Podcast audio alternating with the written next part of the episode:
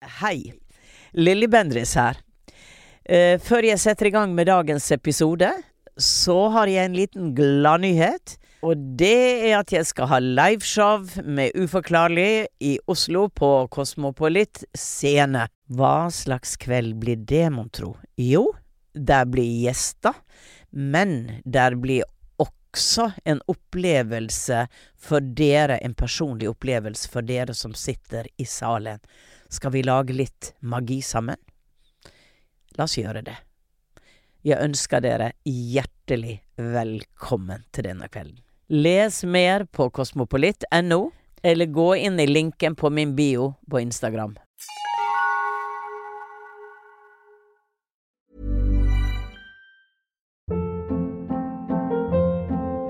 Hold up. What was that? Boring. No flavor. That was as bad as those leftovers you ate all week. Kiki Palmer here, and it's time to say hello to something fresh and guilt-free. Hello Fresh. Jazz up dinner with pecan-crusted chicken or garlic butter shrimp scampi. Now that's music to my mouth. Hello Fresh. Let's get this dinner party started. Discover all the delicious possibilities at hellofresh.com.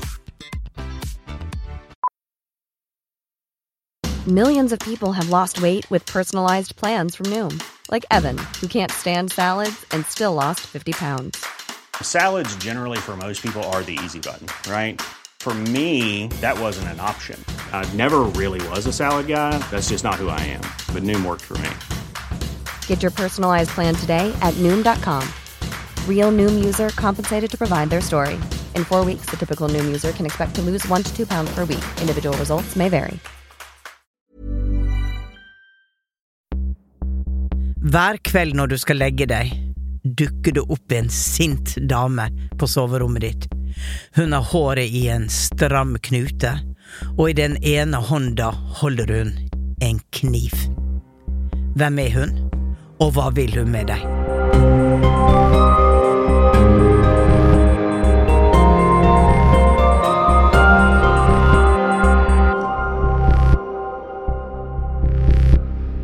Hei, jeg heter Lilly Bendris. Velkommen til Uforklarlig, podkastserien der jeg nøster opp i deres uforklarlige historier for å hjelpe til med å forstå det uforklarlige der ute. I denne episoden skal jeg prate med Ingveig fra Fyllingsdalen i Bergen. Ingveig vil nøste opp i en uforklarlig historie om en sint dame som i flere år befant seg på rommet hennes. Jeg skal straks møte Ingveig, men først, la oss høre den uforklarlige historien.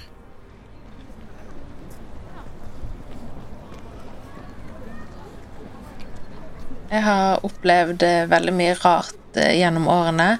Men det jeg skal fortelle om nå, er det som har foregått over lengst tid, og som på en måte har satt mest Eller gitt meg mest spørsmål, og eh, som har gjort mest inntrykk, da.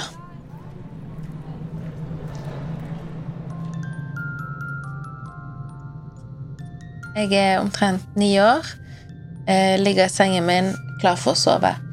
Soveromsdøren min er litt på gløtt, sånn at det kommer litt lys inn eh, fra gangen. For jeg er litt eh, mørkeredd når jeg sover.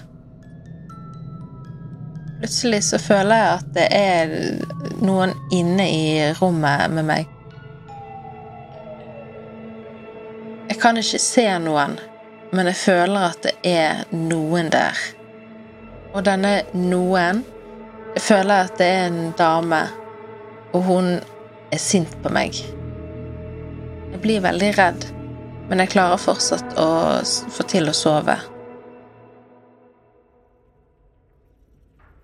Dette foregår over lengre tid, men ganske tidlig så er det liksom Jeg får et slags bilde av henne inni hodet, hvordan hun ser ut. Jeg kan ikke se henne fysisk foran meg, men jeg får et indre bilde av hvordan hun ser ut.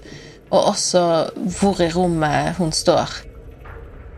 Og hun har en lang kjole og en stram, hår i en stram knute. Og hun holder en kniv.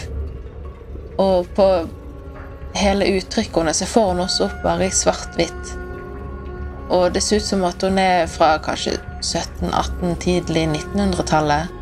Noe omkring der. og hun er bare kjempesint.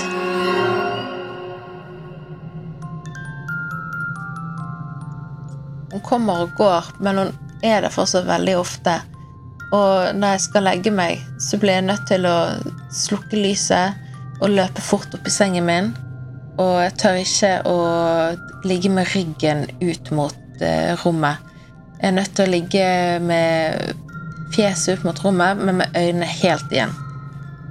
Jeg er redd for at hvis jeg ligger med ryggen ut mot rommet, så skal hun på en måte få muligheten til å stikke meg med kniven sin. Men samtidig så må jeg også være veldig forsiktig med å ikke åpne øynene, Og da er jeg redd for å se henne i mørket. Jeg vet heller ikke hvordan jeg skulle sagt ifra til foreldrene mine. Hvordan kan man liksom forklare at det er en usynlig dame på rommet ditt som er sur? Men tiden går. Hun er der av og til. Kommer og går. Og er nå rundt tolv år. Og jeg sitter i stue med min mor. Hun har også opplevd veldig mye sånn overnaturlig og rart. Og, så vi snakker nå om det. Og jeg forteller henne at eh, jeg har hatt denne dame på rommet mitt i en god stund nå som, som ikke liker meg. Mamma går inn på rommet mitt, og når hun kommer tilbake igjen, så sier hun at uh, hun fortalte damen om å eh, la meg være i fred for, fordi at jeg blir redd. Dette hjelper litt, og damen er vekke en eh, liten stund, i noen måneder eller så. Men hun kommer tilbake igjen. Når hun kommer tilbake igjen, så er det litt tøffere. Jeg tør å reise meg opp fra sengen min. Jeg går bort til der jeg, jeg føler eh, at hun står, og jeg strekker ut armen. Og når jeg strekker ut armen, så er det iskaldt akkurat der så jeg føler at hun står. Årene går, og jeg er nå 18 år. Jeg blir litt lei av uh, hvordan rommet mitt ser ut. Jeg syns det er litt barnslig, og jeg vil ha en litt mer uh, voksen vri på, på, det.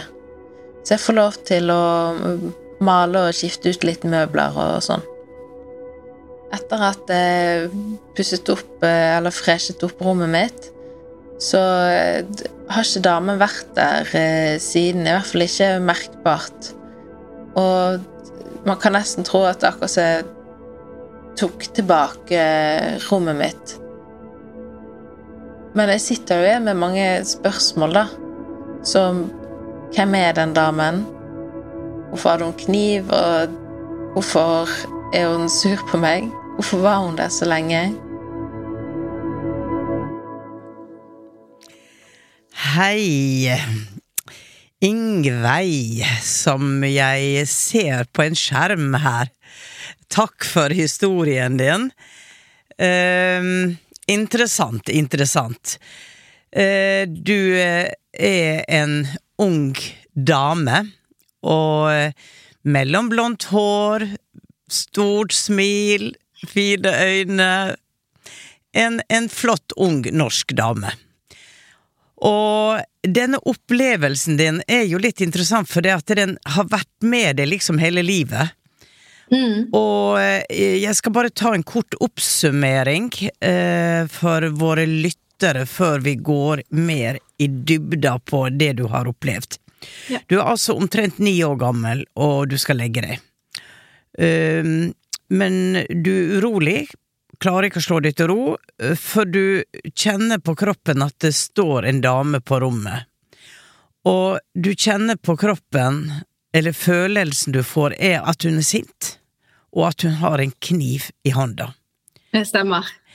Um, og du forteller mammaen din om dette, og hun går inn på rommet ditt, og så ber hun dama om å la deg være i fred. Det hjelper ei lita stund, men så er hun tilbake. Og en dag bestemmer du deg for å strekke ut hånda der dama står, og det er iskaldt. Og senere, når du er rundt 18 år og vil ommøblere rommet, så skjer det at eh, ommøbleringen gjør at eh, denne dama forsvinner for godt. Og du sitter jo selvfølgelig igjen med spørsmål om hvorfor denne dama var hos deg, hva hun ville, og hvorfor hun var der i så lang tid.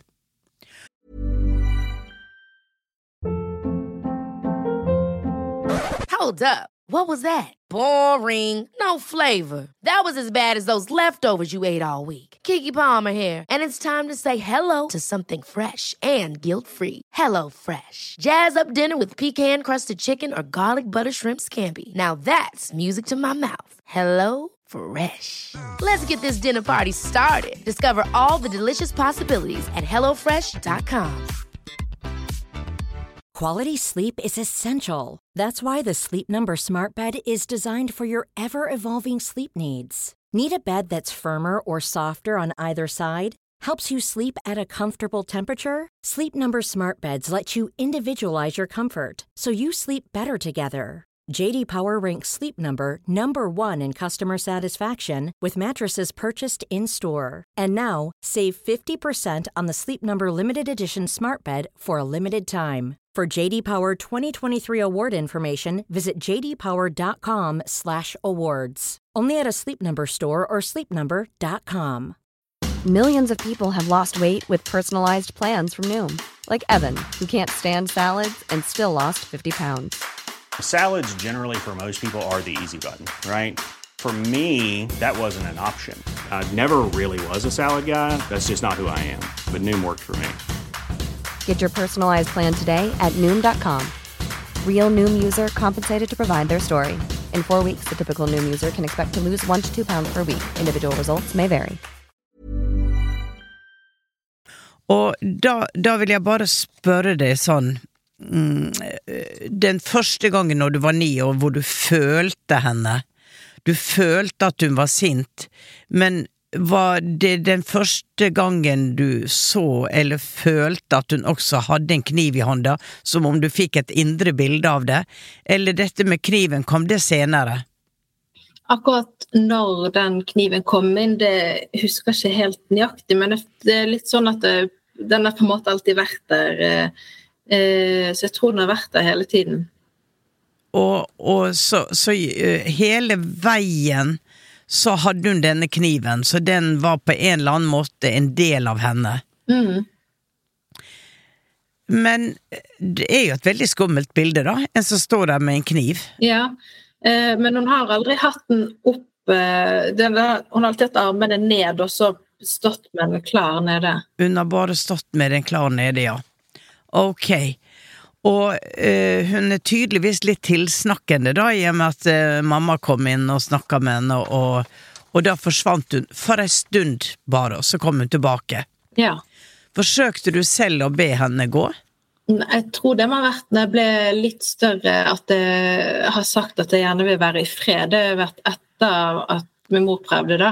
Ja. For da prøvde jeg litt sjøl å, å si i rommet at eh, jeg vil gjerne være i fred. Mm. Mm. Mm. Du sier at hun hadde en eh, lang kjole, og at du opplevde at hun var der rundt eh, ja, 1800-tallet, 1900-tallet? Ja. Ja. Men dette huset, eh, var det et hus du var født i? Eh, Jeg vokste opp i blokk, eh, så dette er i femte etasje, toppetasjen. Og det er ikke et hus, det var en blokk? Ja. Ja, og der jeg bodde Altså bodde de første ti årene av livet mitt. Ja, riktig. Uh, vet du hvor gammel denne blokka var? Uh, Den er fra 60, slutten av 60-tallet, og uh, de første som flyttet inn i den leiligheten, det var eh, mormoren min sammen med min mor da når hun var 14, så hun har bodd i den leiligheten hele tiden. Ja, akkurat. Så det er ikke noe som tilsier at det skulle være noe At noen har bodd der før. Nei, men det som er litt interessant, er at i den bydelen i Fyllingsdalen, der var det eh, veldig mye bondegårder. Eh, så jeg vet ikke om det har vært en gård i området før da. At det kan ha vært bygget på en gammel, gammel grunn. Mm, Ja. For det som kjennetegner Altså, du tenker en, en, eh, Det som kommer til med sånn veldig på en sky her, da, er at eh, de som var kjent for å ha kniv, det var jo sigøynerne. Mm. Det var jo de reisende, er det vel vi kaller de nå. Eh, vi, når jeg var lita, så sa vi tatere, elefantefolk, eller Og de kom gjerne, og det som var veldig Det var jo helst mennene, da, for de jobba jo med å slipe kniver. Og, men det, det var liksom Historiene var at når de kom, ble det ofte bråk. Eh, at da var det slagsmål, da ble de fulle, da var det slagsmål, og da var det knivstikking. Det, det var liksom litt av greia som jeg fra jeg var lita eh, husker at jeg hørte om, da, for det var vel også noen der som, som eh, fikk det ryktet på seg, da. Mm. Og eh, jeg kjenner vel litt på at um, denne kvinna egentlig var på gjennomreise. Egentlig var på gjennomreise. Jeg får får hest, jeg får kjerre, jeg får hjul, jeg får gjennomreise. Men hun har jo vært hos deg hele tida, dann og vann. Mm. Og da er det jeg tenker at det er energikroppen som jo har kobla seg på i et minne. En, og man vet aldri helt hvordan dette skjer. Det kan ha vært du har gått en tur i skogen, ikke sant, og du har sittet og tenkt på noe på en stein, du har gått inn i en litt sånn drømmeaktig tilværelse, du har kanskje tenkt noe, og så jops, så kan det bli en connection som gjør at det, i et sånt tilfelle kan du også dra med deg da den energien, den sjelsenergien, hjem. Mm. For når hun ser sinna ut, men jeg får en så sterk følelse at det er ikke deg hun er sinna på. Hun er sinna på noen andre, og jeg får at kniven er der for å forsvare. For å forsvare seg, og kanskje forsvare deg. Mm. Som om du på en eller annen måte var hennes barn, og at eh, hun må forsvare deg. Ehm, jeg får ikke at hun vil deg noe vondt, eller ville deg noe vondt i det hele tatt. Men at eh, du opplever du har kobla deg på en situasjon hvor kanskje hun var i fare mot en som kom og holdt kniven og skulle beskytte barnet sitt. Mm. Forstår du? Ja. Så, jeg føler ikke hun var sint på deg. For det eh, med litt beskyttelse, det er litt eh, morsomt du sier, da. Mm. Eh, eh, for det er også eh, Mormor min og morfar min de døde lenge før jeg ble født. da. Ja. Eh, men jeg har alltid følt at eh, mormor min sto på en måte ved eh, sengegavlen og Mm. passet på meg igjen, da, Mm. siden jeg var redd. Ja. Og på um, eh, barneskolen og, eh, og ungdomsskolen så hadde jeg det ganske vanskelig, for jeg ble mye mobbet og Ok. eh, sånn, da. Ok, så du eh, trengte kanskje beskyttelse? Ja. Mm. Så det, det var mye holdt for meg sjøl. Jeg ville ikke at andre skulle vite så mye hvordan Ja. jeg hadde det. Og, Ja. Mm. ja, så du gikk og holdt på en eh, noe inni deg. mm. Brukte du å gå tur i skogen? Eh, Det var vel brukte mest å leke i skogen på barneskolen, for vi hadde en stor skog rundt eh, skolesområdet. Akkurat. Akkurat. Mhm. Så eh, kan det tenke seg at eh, du satt da, og mm, det var vondt inni deg, og du tenkte på de som var slemme mot deg, og, og at du eh,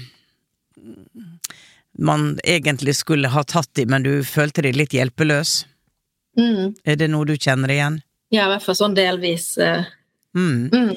Og du vet at det Det kan være den opplevelsen av at du trengte hjelp, at du trengte noen som var sterke, du trengte noen som virkelig kunne ta de. Mm. Og hvem kan ta de bedre enn en kv sint kvinne med kniv? Ja. Det ville skremt fletta av de fleste i skolegården. Hvis hun plutselig sto der. Mm. Så vi vet jo det at sinnet vårt også lager eh, bilder som blir vår virkelighet fordi at vi trenger det. Mm. Og, og da sier ikke jeg at det ikke stemmer at hun var der, men eh, det blir en kobling, og samtidig som på en måte hun er skremmende, da, så er hun eh, Blir en del av den bagasjen du har. Hun, hva om hun kom fram og var levende og var med meg på skole? Forstår du? Så du kan selv ha opprettholdt den forbindelsen ved at hun tross alt representerte noe, for hvis, hvis hun ikke var sinna på deg, men hun var sinna på de andre, så ville hun hjelpe deg. Mm. Er du med meg litt i tankegangen? Ja. Ja. For drømmer, tanker, eh, det, det store feltet hvor alt ligger, der kan vi hente hjelp. Det er en grunn til at folk ber, ikke sant? De ber til Jesus når de, de, de trenger hjelp, og de føler at de blir hjulpet, og de kan få et bevis at noe skjer, og du sier 'ja, Jesus hjalp meg'. Så, så vi forstår ikke enda hvordan alle disse koblingene skjer. Men for meg så, så kjenner jeg, spesielt etter du sa at du blir mobba, så falt det noen brikker på plass for meg. Fordi at jeg fikk så sterkt dette med beskyttelse. Og at bestemor er der og beskytter, det er ganske naturlig, for når våre kjære forlater oss, så har de gjerne et øye med oss hvis vi har det vanskelig. Da kommer de. For ubevisst så kan vi også sende ut en tanke om at å, jeg skulle ønske du var her. Ikke sant? Og da er de der. Vi ber de gjennom vår tanke eller vårt hjerte om å bistå oss, og, og da kan de høre den bønna fra der de er. For det er jo tanker som kobler seg mot hverandre. Um, og når du ommøblerte uh, og malte rommet ditt, så føler jeg at den kvinna, den unge kvinna som bare visste at nå skal jeg skape mitt eget. Den kvinna kommer fra et annet sted i sin tanke. Jeg er sterk, jeg er fri, nå skal jeg vise, jeg skal klare meg selv, jeg skal stå opp for meg selv, jeg skal forandre, jeg skal skape mitt liv. Ok? Og da trenger du henne ikke lenger. ja. Jeg har ikke helt tenkt på det sånn. Nei. Så det er veldig interessant.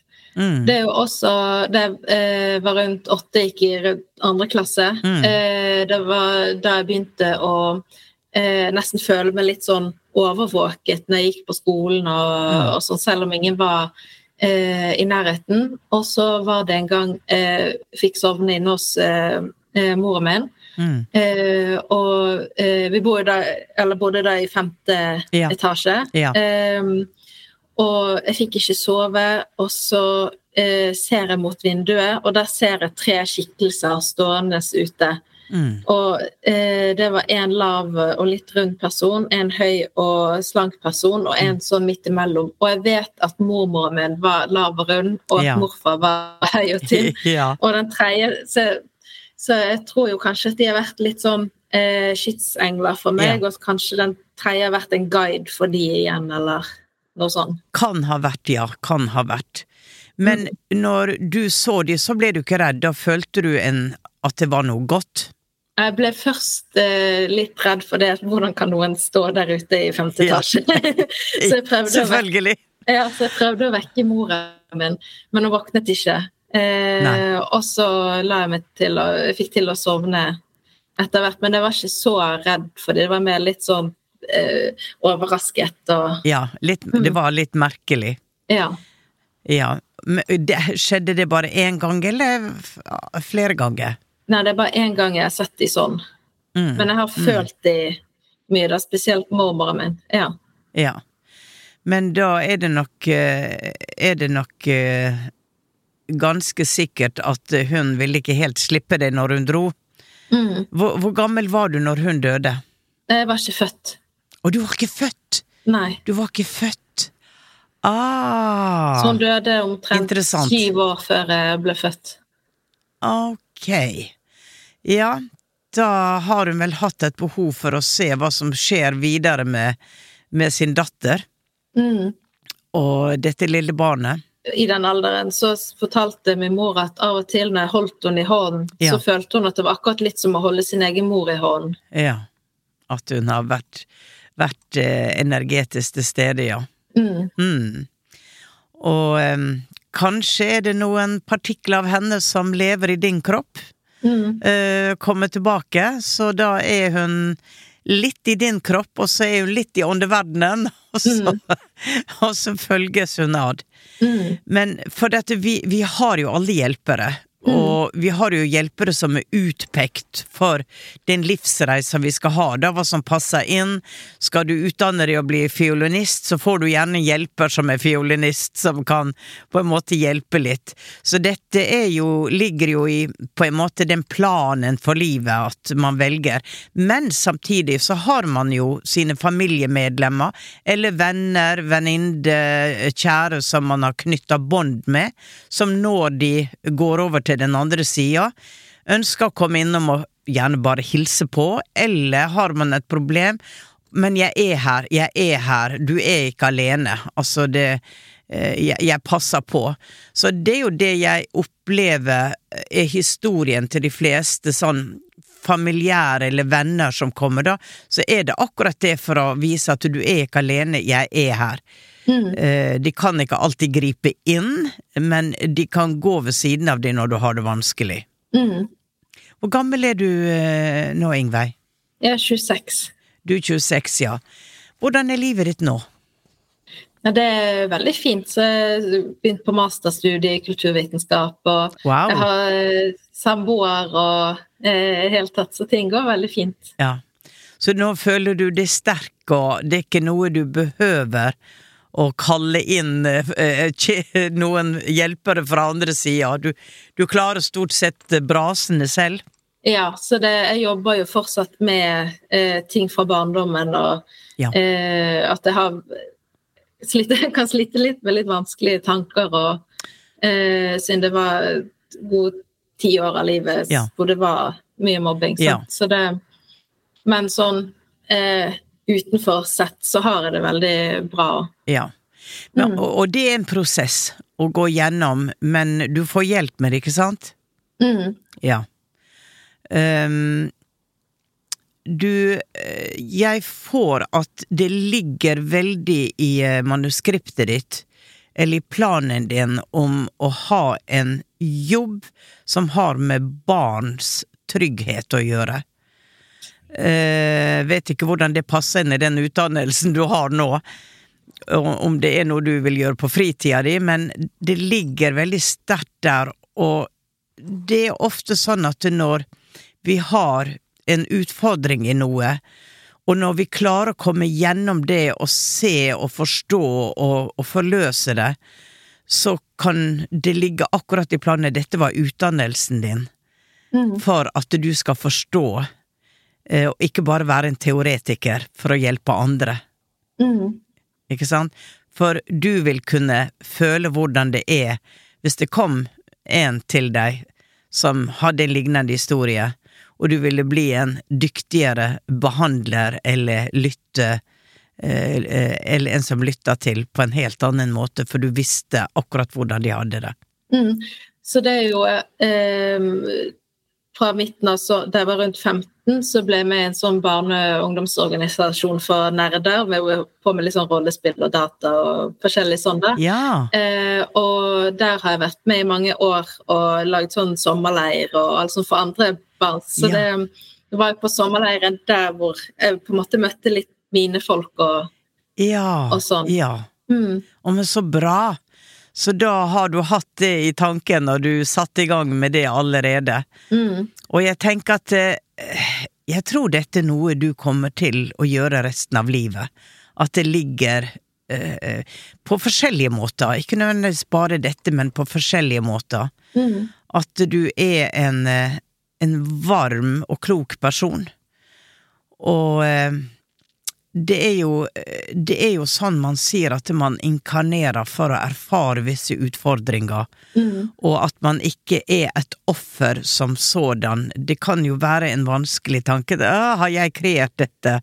Men hvis du går enda videre ut og ser at man har mange liv, mm, og at eh, tja, i dette livet så vil jeg faktisk oppleve hvordan det er, fordi at jeg skal hjelpe andre, og da må jeg kjenne det på kroppen for å, og virkelig føle hvordan det er.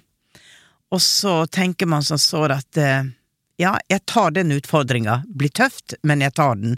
For jeg vet at det vil gjøre meg til den personen eh, når jeg kommer mm, hel gjennom denne tunnelen. Mm. Eh, og det føler jeg det at du, du sier at du fortsatt bearbeider, du fortsatt arbeider med.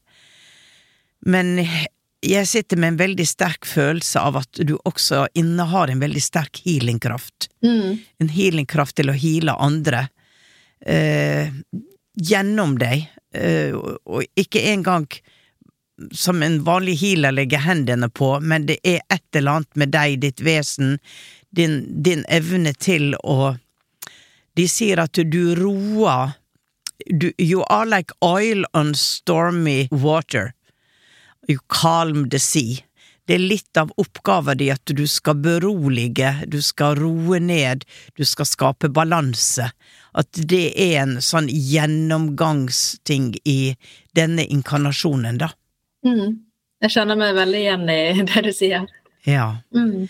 Fordi at eh, når du er mobba, så kan det slås ut på mange måter. Du kan bli en rebell når du blir voksen, ikke sant? Mm. Du kan, eh, du kan bli ødelagt, du kan begynne med drugs, altså det kan Mens det er akkurat som du, du har allerede klart det. Du er allerede den Du er allerede den du, du var planlagt å være. Mm. Så by all means, fortsett å bearbeide det du kjenner er ekko som kommer opp, men på en eller annen måte så er du allerede hela. Ja, jeg har alltid vært eh, på en måte sta meg, da, at jeg skal liksom klare ting. Eh, Ja. Og det var jo eh, allerede da jeg var åtte at jeg begynte å få mye tanker om at uh, jeg kanskje ikke hadde så veldig lyst til å være på jorden lenger, jeg hadde lyst til å leve Mm. lenger, egentlig. Ja. Men så tenkte jeg alltid på at uh, jeg ville ikke spille ut på det, for da ville folk Mm. Altså, noen ville bli lei seg, da. Foreldrene Ja. ville bli lei seg, familie ville bli lei Ja. og eh, jeg ville ikke si det til noen heller, for da ville de bli lei seg at jeg hadde det sånn. Og Det, det, det var allerede healeren i deg som åtteåring som snakka. mm, Forstår du? Du tok ansvar. mm, Selv om du selvfølgelig skulle ha snakka. Men da var det noe inni deg at 'jeg er den som skal hjelpe andre', mm, og så satte du deg selv i baksetet. Og den skal du tenke litt på. jeg har ikke ønsket å være noe offer heller. Nei. Og jeg tenker det at eh, den, den tanken om at de ikke skulle være lei seg, det indikerer at du så deg selv som et offer, men det var akkurat som på ett sted inni deg forsto at det her er det noe, det er en plan, eh, og jeg kan stikke av, men, men det er ikke meninga. Jeg skal klare meg og gå gjennom det. Mm, Så for meg, it makes sense med denne her kvinna på rommet. mm, It makes sense. Eh, hun ble på en måte også en type alter ego. Hun ble den som var sterk, hun var den som var sint, hun var den som du ikke var på den tida. ja. Og um, du trenger nok ingen kniv, Nei. for det at du har det i din tanke, i ditt sinn, i din væren, i alt du er. Så du behøver ikke å gå ut og slåss. Du skal gjøre motsatsen. Så jeg syns det er veldig flott uh, å, å få ha hørt og kjent på historien din. Mm, Og jeg syns det er veldig vakkert at universet kommer inn. Uh, Det er ikke alltid vi forstår det i øyeblikket, men ofte i retrospekt. Sånn som du kan tenke på den forklaringa jeg har gitt deg, da. mm, Uh, hva, hva du føler rundt det. Det behøver ikke å stemme for det, kanskje, men tenk i hvert fall på det. mm, At det var noen som du trengte. Samtidig som du frykta det litt. ja. Fordi du ikke helt forsto der og Mm. da. Jeg syns det gir mening. Men det er som du sier, det er interessant, for du sier at du lager leker, du lager skuespill hvor man spilte ut roller.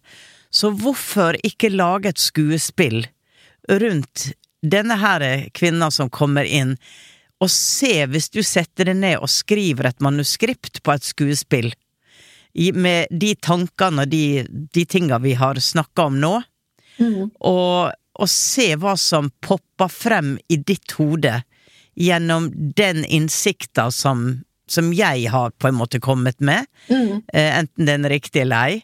Eh, for dette, jeg tror at det er en kreativitet i deg, hvor du kan skrive historier, Mm.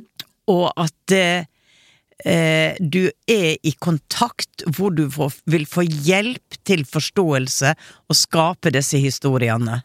Mm. Jeg får en liten forfatter i deg, rett og slett. Det, det popper opp nå. Um, så eh, du er ung enda, du har hele livet foran deg, og mye spennende som du kan ta i tu med. Mm. Så gå ut, vær blant folk, skap, kreer, og jeg tror du vil få et fantastisk liv. Takk. Det er jo eh, Jeg har jo alltid vært opptatt av eh, sånn som det overnaturlige. Jeg syns det er veldig spennende og interessant. Så Mm. eh, på bacheloroppgaven min skrev jeg faktisk om spøkelser og brukte litt klipp av Åndenes makt og sånn som så kilde. Og Ja. jeg tenker å fortsette litt på det på masteroppgaven, der hvor jeg skal Jeg tenker å skrive om forskjellige kommunikasjonsmetoder til den andre siden der. Akkurat. Spennende. Ja, men da er du på vei, vet du. Ja, det Ja, er det- altfor lite forskning på, på det her, Ja. syns jeg. Men vet du, det er det. Det er det. Og når du skal gjøre dette, så ta kontakt med de store som jobber med dette i eh, statene. Bruce Lipton, de som ser hva tanken gjør. Og jeg tenker også på Greg Braden. Og, og lytt til deres videoer, les deres bøker. Og likedan så er her en som Dolores Cannon, som hypnotiserte mennesker. Som da eh, Under hypnose så kom de i kontakt med andre bevisstheter, og som snakka gjennom de. Eh, Så hypnose er også en veldig spennende innfallsportal her til å connecte med den andre sida. Så ha et bredt spekter, og søk de beste i de forskjellige faga som læremestere, sånn at eh, du kan aktivere de delene av deg selv som faktisk kan ta kontakt, og etter hvert begynne å få automatskriving, begynne å få direkte informasjon fra de, den ikke-synlige verdenen. Mm. Så jeg tror at du vil få et veldig spennende og innholdsrikt liv. Så go for it, girl. Yes. Go for it. Veldig bra. Så når du er ferdig med avhandlingen min, så sender du den til meg. Yes. Er Deal? Mm. Det er deal. Supert. bra. Yes. Neimen, vet du hva? Tusen takk for at du eh, delte din historie. Og eh, så vil jeg bare ønske deg lykke, lykke til videre med alt. Tusen takk, og takk for at du ville høre på. Bare hyggelig. Du har hørt en episode av Uforklarlig med meg, Lilly Bendris.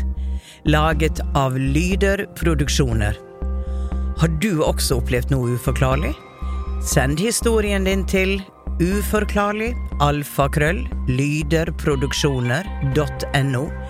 eller Instagram-kontoen alfakrøll uforklarlig med Lilly. Kanskje blir det deg jeg prater med neste uke.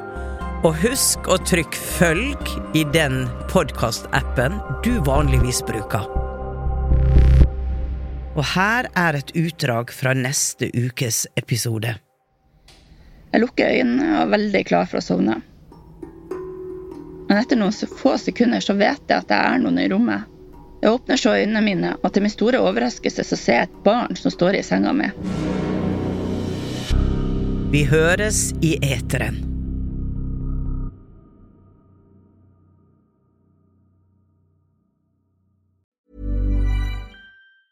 Hey, it's Danny Pellegrino from Everything Iconic.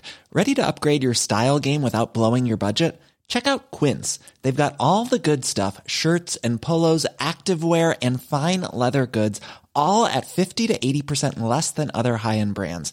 And the best part? They're all about safe, ethical, and responsible manufacturing. Get that luxury vibe without the luxury price tag. Hit up quince.com slash upgrade for free shipping and 365 day returns on your next order. That's quince.com slash upgrade. Hold up. What was that? Boring. No flavor. That was as bad as those leftovers you ate all week. Kiki Palmer here, and it's time to say hello to something fresh and guilt-free. Hello Fresh. Jazz up dinner with pecan-crusted chicken or garlic butter shrimp scampi. Now that's music to my mouth. Hello Fresh. Let's get this dinner party started. Discover all the delicious possibilities at hellofresh.com.